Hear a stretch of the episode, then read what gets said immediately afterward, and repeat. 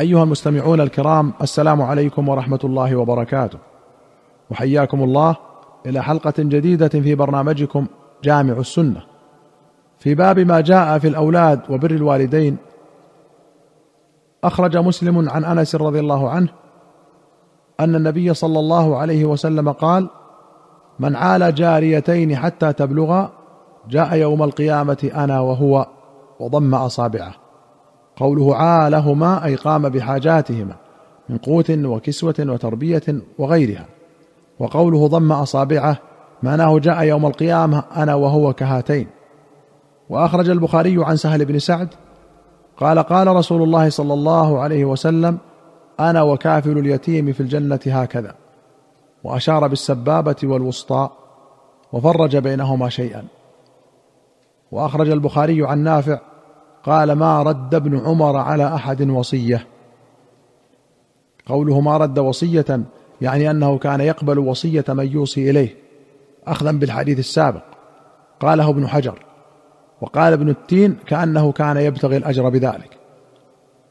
وأخرج ابن أبي شيبة وأحمد والبخاري في التاريخ وأبو داود والدار قطني والحاكم والبيهقي في السنن والبغوي رحمهم الله بسند حسن عن عمرو بن شعيب عن أبيه عن جده قال قال رسول الله صلى الله عليه وسلم مروا أولادكم بالصلاة وهم أبناء سبع واضربوهم عليها وهم أبناء عشر وفرقوا بينهم في المضاجع.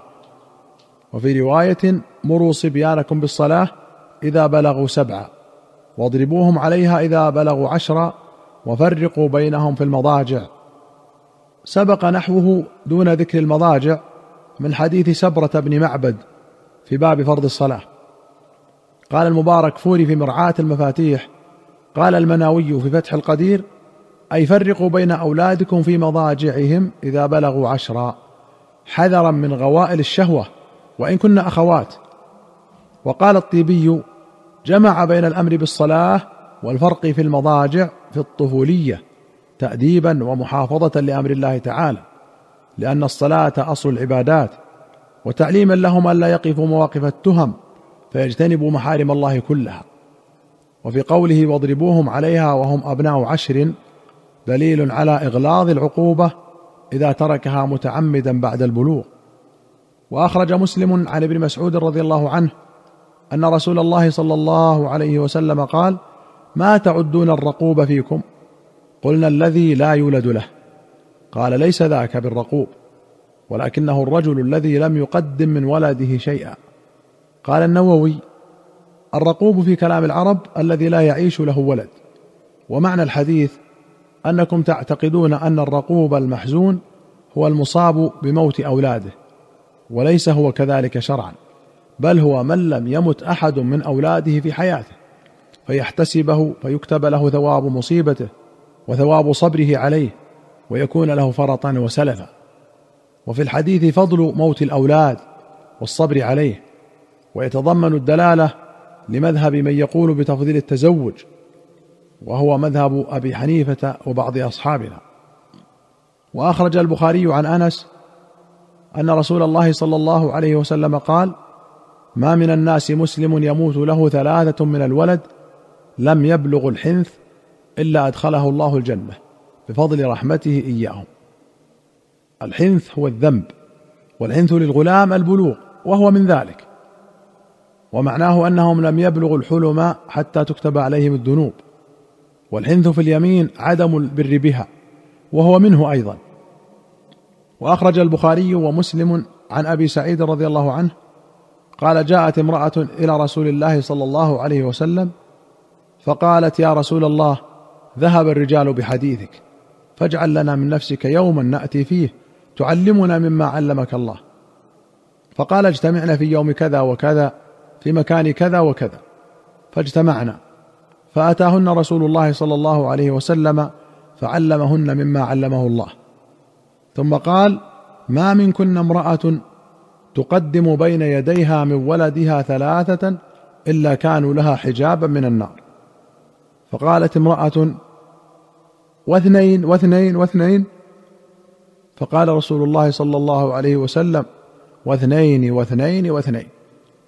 وأخرج البخاري ومسلم عن أبي هريرة أن النبي صلى الله عليه وسلم قال لا يموت لأحد من المسلمين ثلاثة من الولد لم يبلغ الحنث فتمسه النار إلا تحلة القسم. ولمسلم قال أتت امرأة بصبي لها؟ فقالت يا نبي الله ادعو الله لي فلقد دفنت ثلاثة. فقال دفنت ثلاثة؟ قالت نعم. قال لقد احتضرت بحضار شديد من النار. وفي أخرى له عن أبي حسان قال قلت لأبي هريرة إنه قد مات لي ابنان. أفما أنت محدث عن رسول الله صلى الله عليه وسلم بحديث يطيب أنفسنا عن موتانا؟ قال نعم. صغارهم دعاميص الجنة. يتلقى أحدهم أباه أو قال أبويه فيأخذ بثوبه أو قال بيده كما آخذ أنا بصنفة ثوبك هذا فلا يتناهى أو قال لا ينتهي حتى يدخله الله وأباه الجنة. قال النووي قال العلماء تحلة القسم ما ينحل به القسم وهو اليمين. وجاء مفسرا في الحديث أن المراد قوله تعالى وإن منكم إلا واردها وبهذا قال أبو عبيد وجمهور العلماء والقسم مقدر. أي والله إن منكم إلا واردها. والمراد بورودها المرور على الصراط وهو جسر منصوب عليها. وقيل الوقوف عندها. والحضار بكسر الحاء وفتحها الحاجز المانع ومنه الحظيرة لأنها محجوزة ممنوعة. وقوله دعاميص الجنة أي صغار أهلها. والدعموس دويبة من دواب الماء لا تفارقه. والدعموس أيضا الدخال في الأمور أي أنهم سياحون في الجنة لا يمنعون من موضع. وصنفة ثوبك طرفه. وأخرج البخاري ومسلم عن أبي هريرة قال جاء رجل إلى النبي صلى الله عليه وسلم فقال يا رسول الله من أحق الناس بحسن صحابتي؟ قال أمك.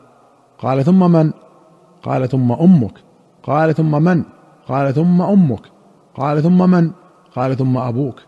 وفي رواية قال أمك ثم أمك ثم أباك ثم ادناك ادناك قوله بحسن صحابتي أي حسن صحبتي. وأخرج البخاري ومسلم رحمهما الله عن أسماء بنت أبي بكر رضي الله عنهما قالت قدمت علي أمي وهي مشركة في عهد قريش ومدتهم إذ عاهدوا رسول الله صلى الله عليه وسلم مع ابنها فاستفتيت رسول الله صلى الله عليه وسلم. قلت قدمت علي أمي وهي راغبة. أفأصل أمي؟ قال نعم صلي أمك. وأخرج مسلم عن أبي هريرة رضي الله عنه قال قال رسول الله صلى الله عليه وسلم لا يجزي ولد والده وفي رواية لا يجزي ولد والدا إلا أن يجده مملوكا فيشتريه فيعتقه.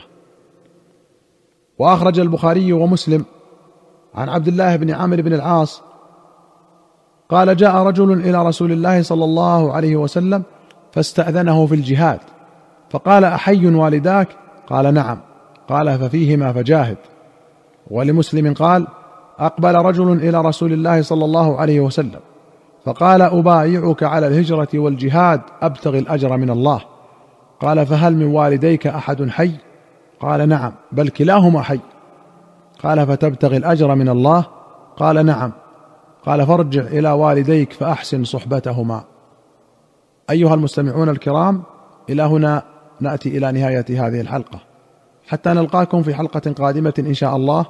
نستودعكم الله. والسلام عليكم ورحمة الله وبركاته.